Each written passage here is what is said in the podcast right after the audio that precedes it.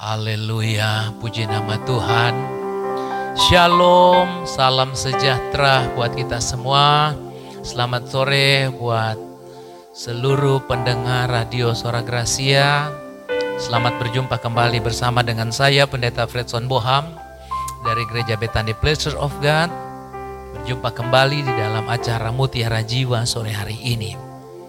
Bapak Ibu Saudara yang dikasih Tuhan, sebelum saya menserkan firman Tuhan dan menaikkan puji-pujian penyembahan kita kepada Tuhan, saya mengajak kita berdoa dulu, kita minta kuasa Tuhan bekerja melalui siaran ini. Mari satukan hati kita saudara. Bapa Surgawi, Tuhan kami Yesus Kristus, Allah yang hidup. Kembali di sore hari yang indah ini Bapa kami datang ke hadiratmu yang kudus. Kami minta pengurapanmu, hikmatmu, wahyu dari surga. Turun atas kami. Kami minta juga kuasamu bekerja. Supaya pada saat firmanmu disampaikan, tanda-tanda ajaib menyertai firman yang disampaikan. Ada perbuatan ajaib Tuhan terjadi. Ada mujizat Allah terjadi. Terima kasih banyak Bapak. Tutup bungkus kami dengan darahmu. Berkati acara Mutiara Jawa ini, Radio Suara Gracia ini biar menjadi berkat bagi banyak orang. Nama Tuhan dipuji, ditinggikan dan dimuliakan.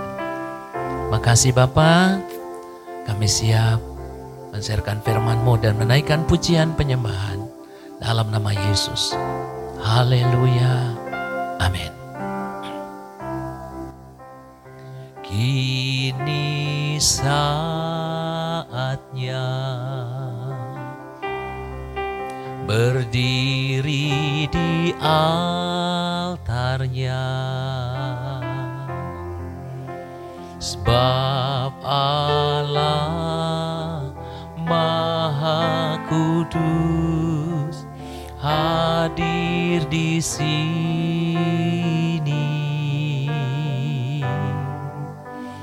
Mari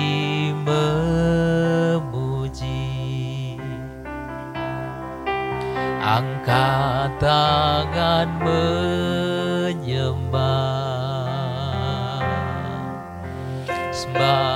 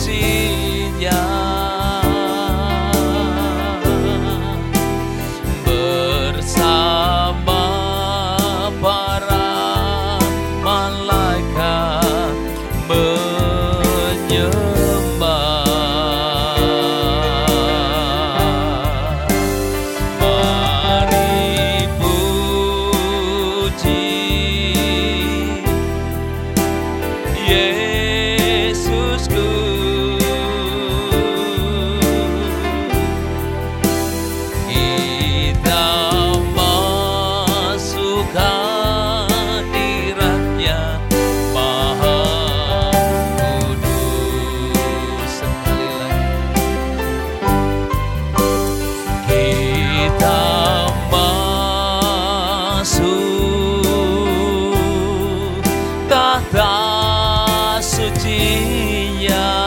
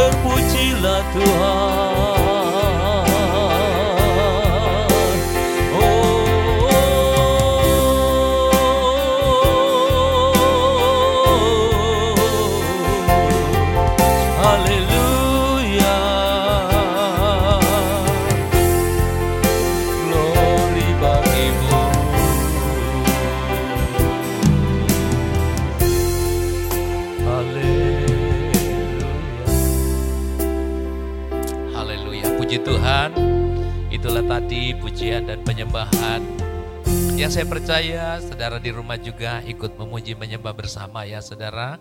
Biar kita sama-sama menikmati hadirat Tuhan dan sama-sama menerima berkat kebenaran firman Tuhan. Baik Bapak Ibu Saudara, sore hari ini saya akan menserkan firman Tuhan berbicara tentang mesbah Bapak Ibu Saudaraku. Mesbah ini penting sekali, ya dimulai dari perjanjian lama sampai perjanjian baru tetap ada mesbah saudaraku. Karena mesbah ini penting sekali. Kalau di dalam gereja kami, di gereja Betani Pleasure of God ada namanya mesbah keluarga atau dinamakan family altar. Nah, dalam kehidupan kita pribadi juga ini penting harus ada mesbah. Ya, karena di situ kita akan mengalami Tuhan di dalam mesbah itu. Nah, saya ingin membacakan dulu ayat firman Tuhan yang saya mau sharekan dari Keluaran pasal 20 ayat 24. Keluaran pasal 20 ayat yang ke-24 beginilah bunyi firman Tuhan. Kau buatlah bagiku mesbah dari tanah dan persembahkanlah di atasnya korban bakaranmu dan korban keselamatanmu, kambing dombamu dan lembu sapimu pada setiap tempat yang kutentukan menjadi tempat peringatan bagi namaku. Aku akan datang kepadamu dan memberi dan memberkati engkau. Perhatikan baik-baik Bapak Saudaraku, sekali lagi saya bacakan. Kau buatlah bagiku mesbah dari tanah dan persembahkanlah di atasnya korban bakaranmu dan korban keselamatanmu, kambing dombamu dan lembu sapimu pada setiap tempat yang kutentukan menjadi tempat peringatan bagi namaku. Aku akan datang kepadamu dan memberkati engkau. Wow, luar biasa. Saya senang sekali dengan kalimat terakhir. Aku akan datang kepadamu dan memberkati engkau. Perintah Allah adalah membangun mesbah Ya, mesbah itu tempat korban dan persembahan diletakkan di atas mesbah itu saudaraku ya ada ada persembahan di situ ya. Dan Tuhan berjanji apabila kita taat, Tuhan akan datang dan memberkati. Ya, bukan mem, bukan mesbahnya melainkan kita akan diberkati oleh Tuhan. Saya yakin dan percaya semua kita, semua makhluk hidup pengen diberkati Tuhan. Semua yang bernapas dan semua hidup pasti pengen diberkati Tuhan. Tapi sore ini saya mau sharing ini buat kita pendengar radio Suara Gracia di dalam acara Mutiara Jiwa yang dikasih Tuhan Yesus Kristus bahwa ada ada sesuatu yang dahsyat nih yang yang saya tangkap dari Tuhan yaitu yang berbicara tentang mesbah ini ya. Setiap orang percaya dalam setiap generasi mencari berkat tersebut yang saya istilahkan api jatuh dari tahta Allah. Ya, api jatuh dari tahta Allah. Apalagi hari-hari ini gereja Tuhan sedang mempersiapkan untuk menyambut ya hari pencurahan Roh Kudus. Nah, Bapak Ibu Saudara, tanpa api ini ya, tanpa tanpa api ini ada di dalam kita, maka kita akan mati-matian menjalani kehidupan sebagai hamba bukan sebagai anak. Kita tahu status kita, kita ini anak Allah, anak raja, tapi kalau tanpa api ini, sekali lagi kita akan menjalani kehidupan yang capek. Mati-matian saudaraku, menjalani kehidupan. Bukan sebagai anak malah, kita hamba diperbudak terus. Nah, kita akan menjadi seorang upahan, bukan sebagai pewaris kerajaan. Apakah ini menurut saudara itulah yang dimaksudkan Yesus ketika dia berfirman di Yohanes 10 ayat 10 bagian B, Aku datang supaya mereka mempunyai hidup dan mempunyainya dalam segala kelimpahan. Ya. Itu rencana Allah. Kedatangan Tuhan membawa berkat kelimpahan bagi saudara dan saya. Kita mungkin menganggap api dari Allah sebagai gairah atau dorongan atau dorongan atau antusiasme. Saya sengaja memilih kata api karena statusnya dalam perjanjian lama maupun perjanjian baru setara dengan kehadiran Allah dan kuasa Allah.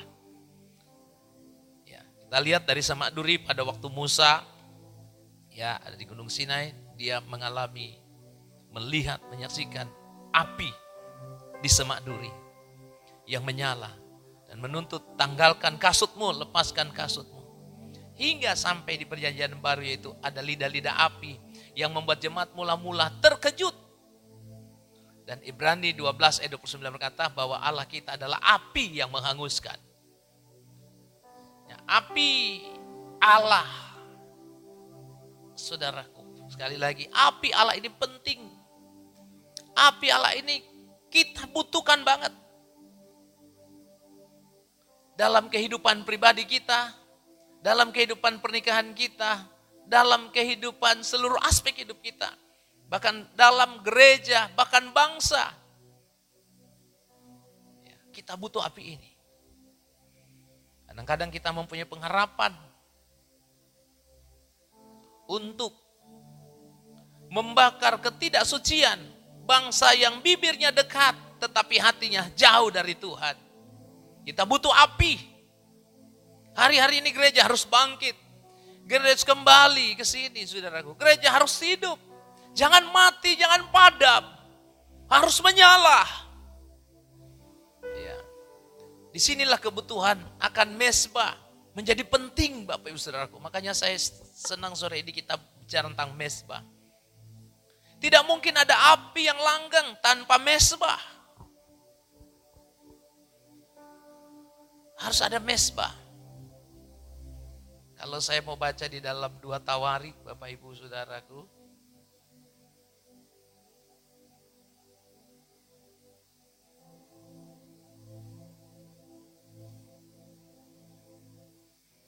Dua Tawari 16. Sebentar, saya bacakan. Ayat 9. Karena mata Tuhan menjelajah seluruh bumi untuk melimpahkannya kepada mereka yang bersungguh hati terhadap dia. Allah mengirimkan api kepada orang yang bersungguh hati membangun mesbah. Untuk memperlengkapi, untuk menguatkan kita dalam mengerjakan pekerjaan Tuhan dalam menjalani hidup. Tuhan menginginkan saudara dan saya membangun mesbah. Tempat hubungan yang suci. Ya, mesbah ini adalah tempat hubungan yang suci antara kita dengan Tuhan. Dan dengan segenap hati di mana Allah kita yang kudus bisa bertemu dengan kita dan apinya bisa turun di saat kita membangun mesbah. Nah untuk itu Bapak Ibu Saudara yang dikasih Tuhan, ada juga api ibadah dan doa. Nah, mesbah bagi api ini adalah pemandangan yang menyenangkan bagi Allah. Namun mesbah ini harus dijaga dengan sungguh-sungguh sebab musuh berupaya mencuri dan menghancurkan apa yang membawa kemuliaan bagi Allah. Saya mau buka dulu di Imamat pasal yang ke-6. Imamat pasal 6. Ayat 12. Api yang di atas mesbah itu harus dijaga supaya terus menyala. Jangan dibiarkan padam. Tiap-tiap pagi imam harus menaruh kayu di atas mesbah, mengatur korban bakaran di atasnya, dan membakar segala lemak korban keselamatan di sana harus dijaga api, harus dijaga supaya api tetap menyala di atas mesbah. Janganlah dibiarkan padam. Bapak Ibu Saudara yang dikasih Tuhan, saya katakan tadi, kalau tidak ada mesbah, tidak ada api. Nah kita orang percaya kadang-kadang sudah tidak mau tahu tentang mesbah ini. Nah makanya saya melihat saudaraku kekristenan hari-hari ini benar-benar saya lihat ini menurut saya saya nggak tahu ya mengalami degradasi, mengalami penurunan. Kenapa? Kristen sekarang ini mau nyaman. Tuhan Yesus memberikan contoh dan teladan dirinya sendiri ditaruh di atas kor, menjadi korban ditaruh di atas mesbah. Dia mengorbankan dirinya. Nah saudara dan saya yang mengaku percaya dan mau ngikut Tuhan Yesus, ikuti jejaknya. Artinya apa? Kita juga harus, saudaraku, menaruh korban di atas mesbah. Mungkin saudara saya pak, kurang apa pak? Saya ini suka berkorban loh di gereja, di pekerjaan. Bukan hanya itu. Kita harus bakar semua. Setiap hal-hal yang tidak berkenan di hadapan Tuhan. Tabiat-tabiat dosa. Makanya ada namanya proses pemurnian Bapak Ibu Saudaraku. Kalau Roma 8 ayat 8 semua hafal ini, Allah turut bekerja dalam segala sesuatu untuk mendatangkan kebaikan. Apa yang dimaksud kebaikan di situ? Yaitu karakter saudara dan saya makin disempurnakan. Nah untuk itu Bapak Ibu Saudara, kalau kita makin dibersihkan, makin dimurnikan, Percaya, api akan menyala. Api Tuhan akan menyala dalam hidup kita. Maka kita akan berjalan di dalam kuasa. Kita akan berjalan dengan dahsyat, ada api yang menyala. Kadang-kadang kita ini sudah kering, tapi kita masih tetap menjalankan rutinitas kita karena kita orang Kristen. Tapi gereja kehilangan kuasa. Melalui perenungan yang singkat sore hari ini, saya mengajak gereja harus kembali. Semua saudara-saudaraku yang ada di kota ini, bahkan di bangsa ini. Ayo harus hidup kembali. Kita harus kembali fokus kepada Yesus. Bukan hanya fokus kepada gereja kita masing-masing.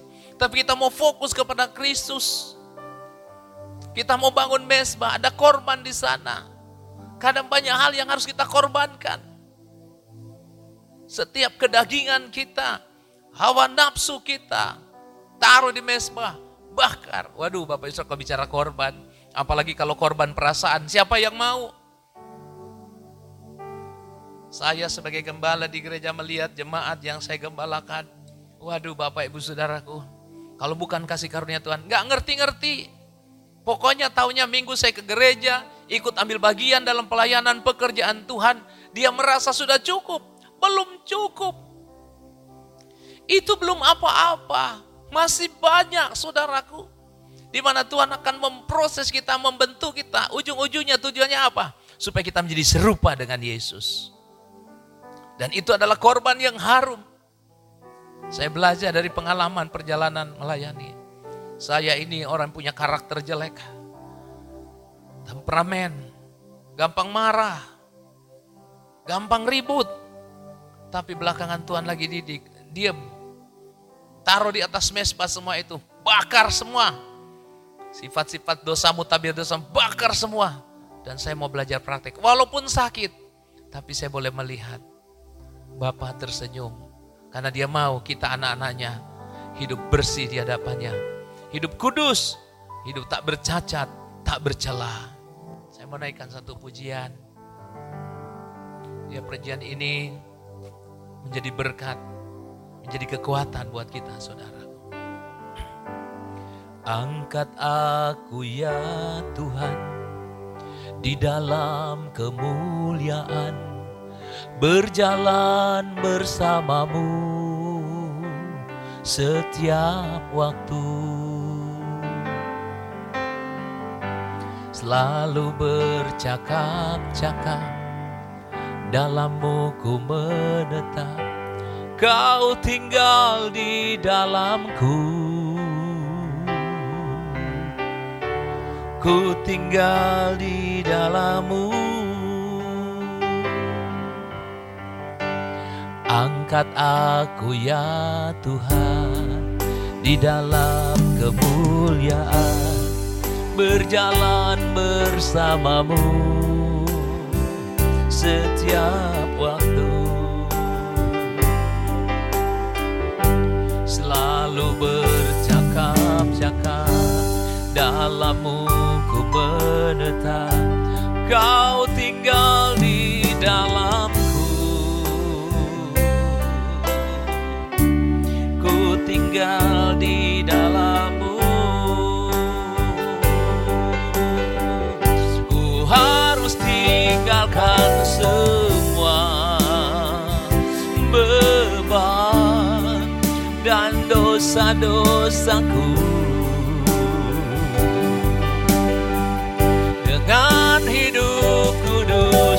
kudus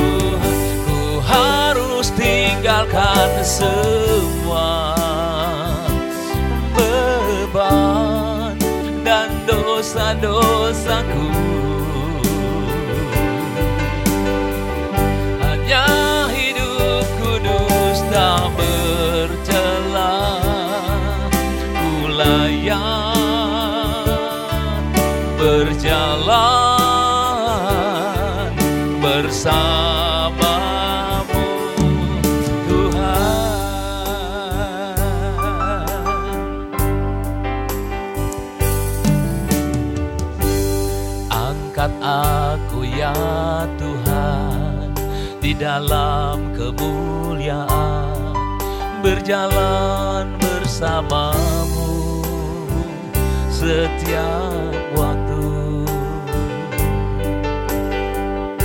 Selalu bercakap-cakap dalammu ku menetap.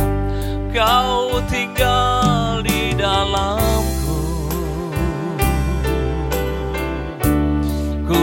tinggal di dalammu. Ku harus tinggalkan semua beban dan dosa-dosaku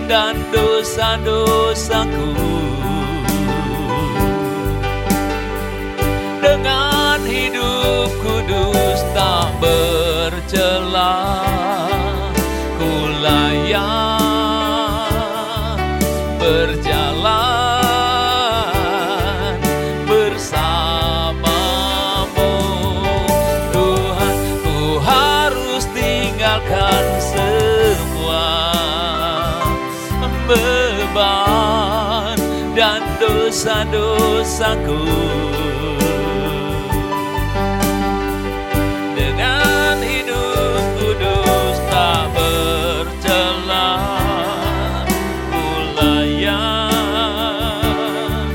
berjalan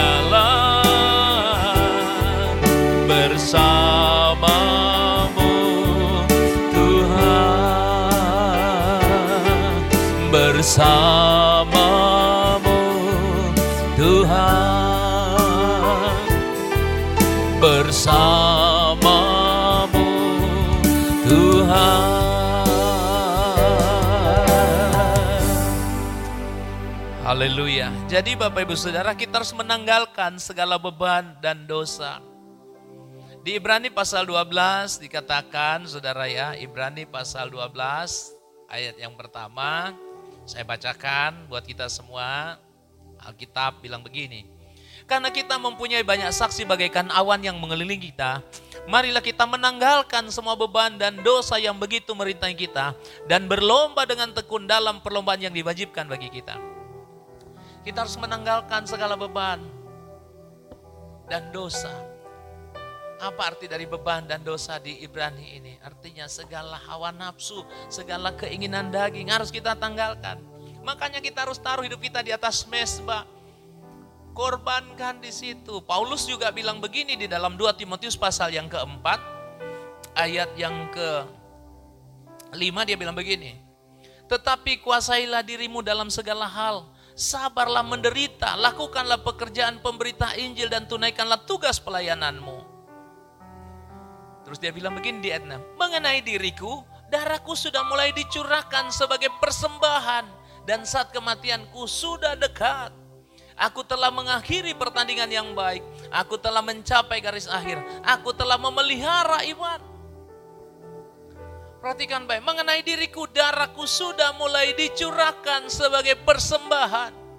Waduh kalau kita melihat kehidupan Rasul Paulus setelah dia menerima Yesus menjadi Tuhan dan Juru Selamat pribadinya. Waduh saudaraku secara secara lahir itu nggak enak.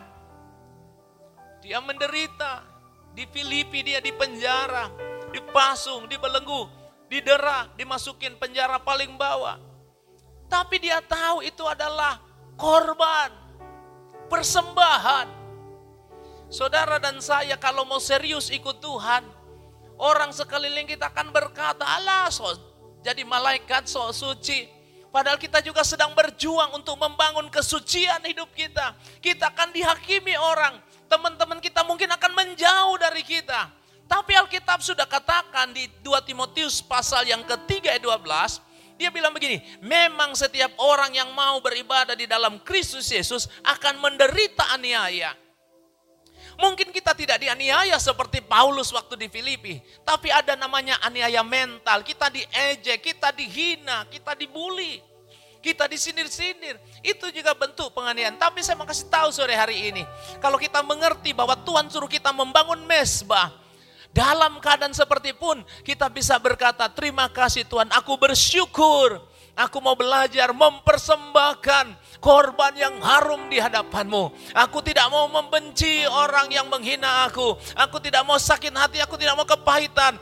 Aku bawa ini di hadapan Tuhan. Biar Tuhan adalah hakim yang adil. Dia yang akan menghakimi. Bagianku mengampuni. Bagianku menjalani hidup ini sesuai dengan apa yang Tuhan kehendaki. Makanya ada pujian begini.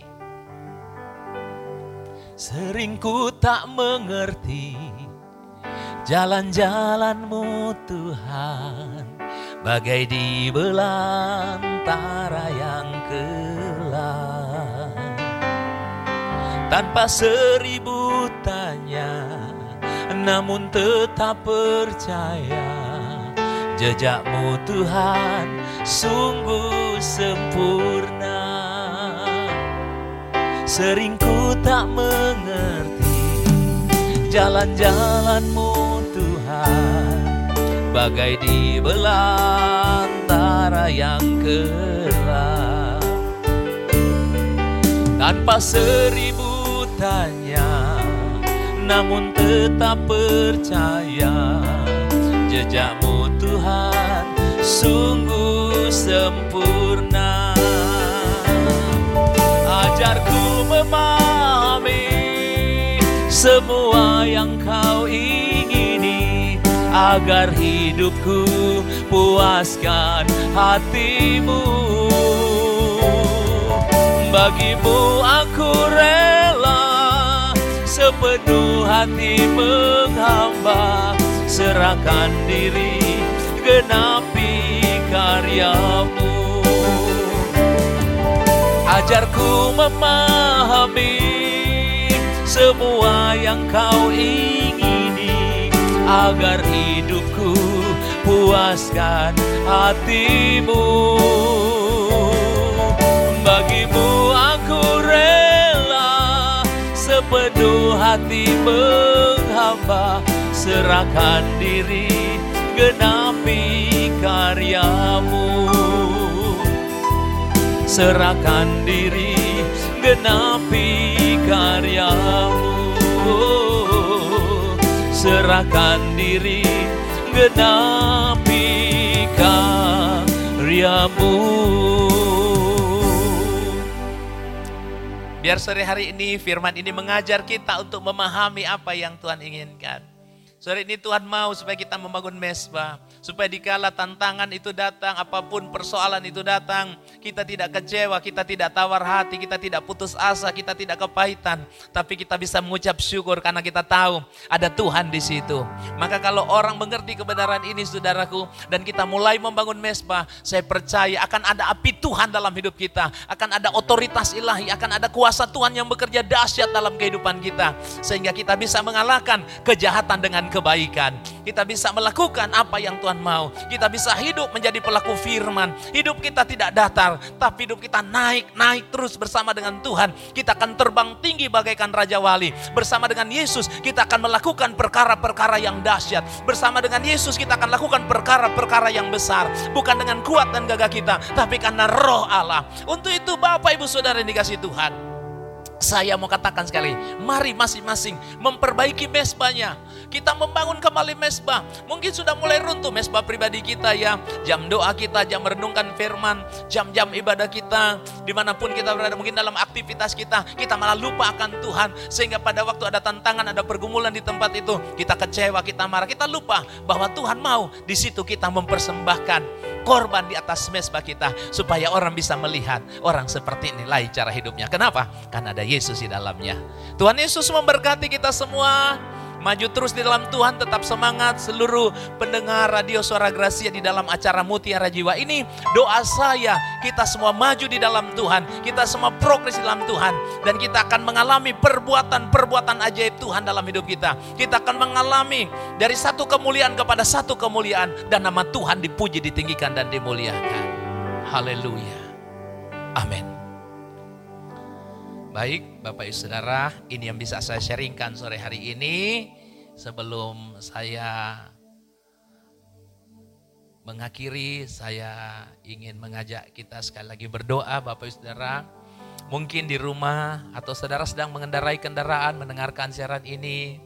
Atau ada di rumah yang sedang sakit, izinkan saya mau berdoa dari tempat ini bersama rekan saya yang mengiringi saya keyboard ya.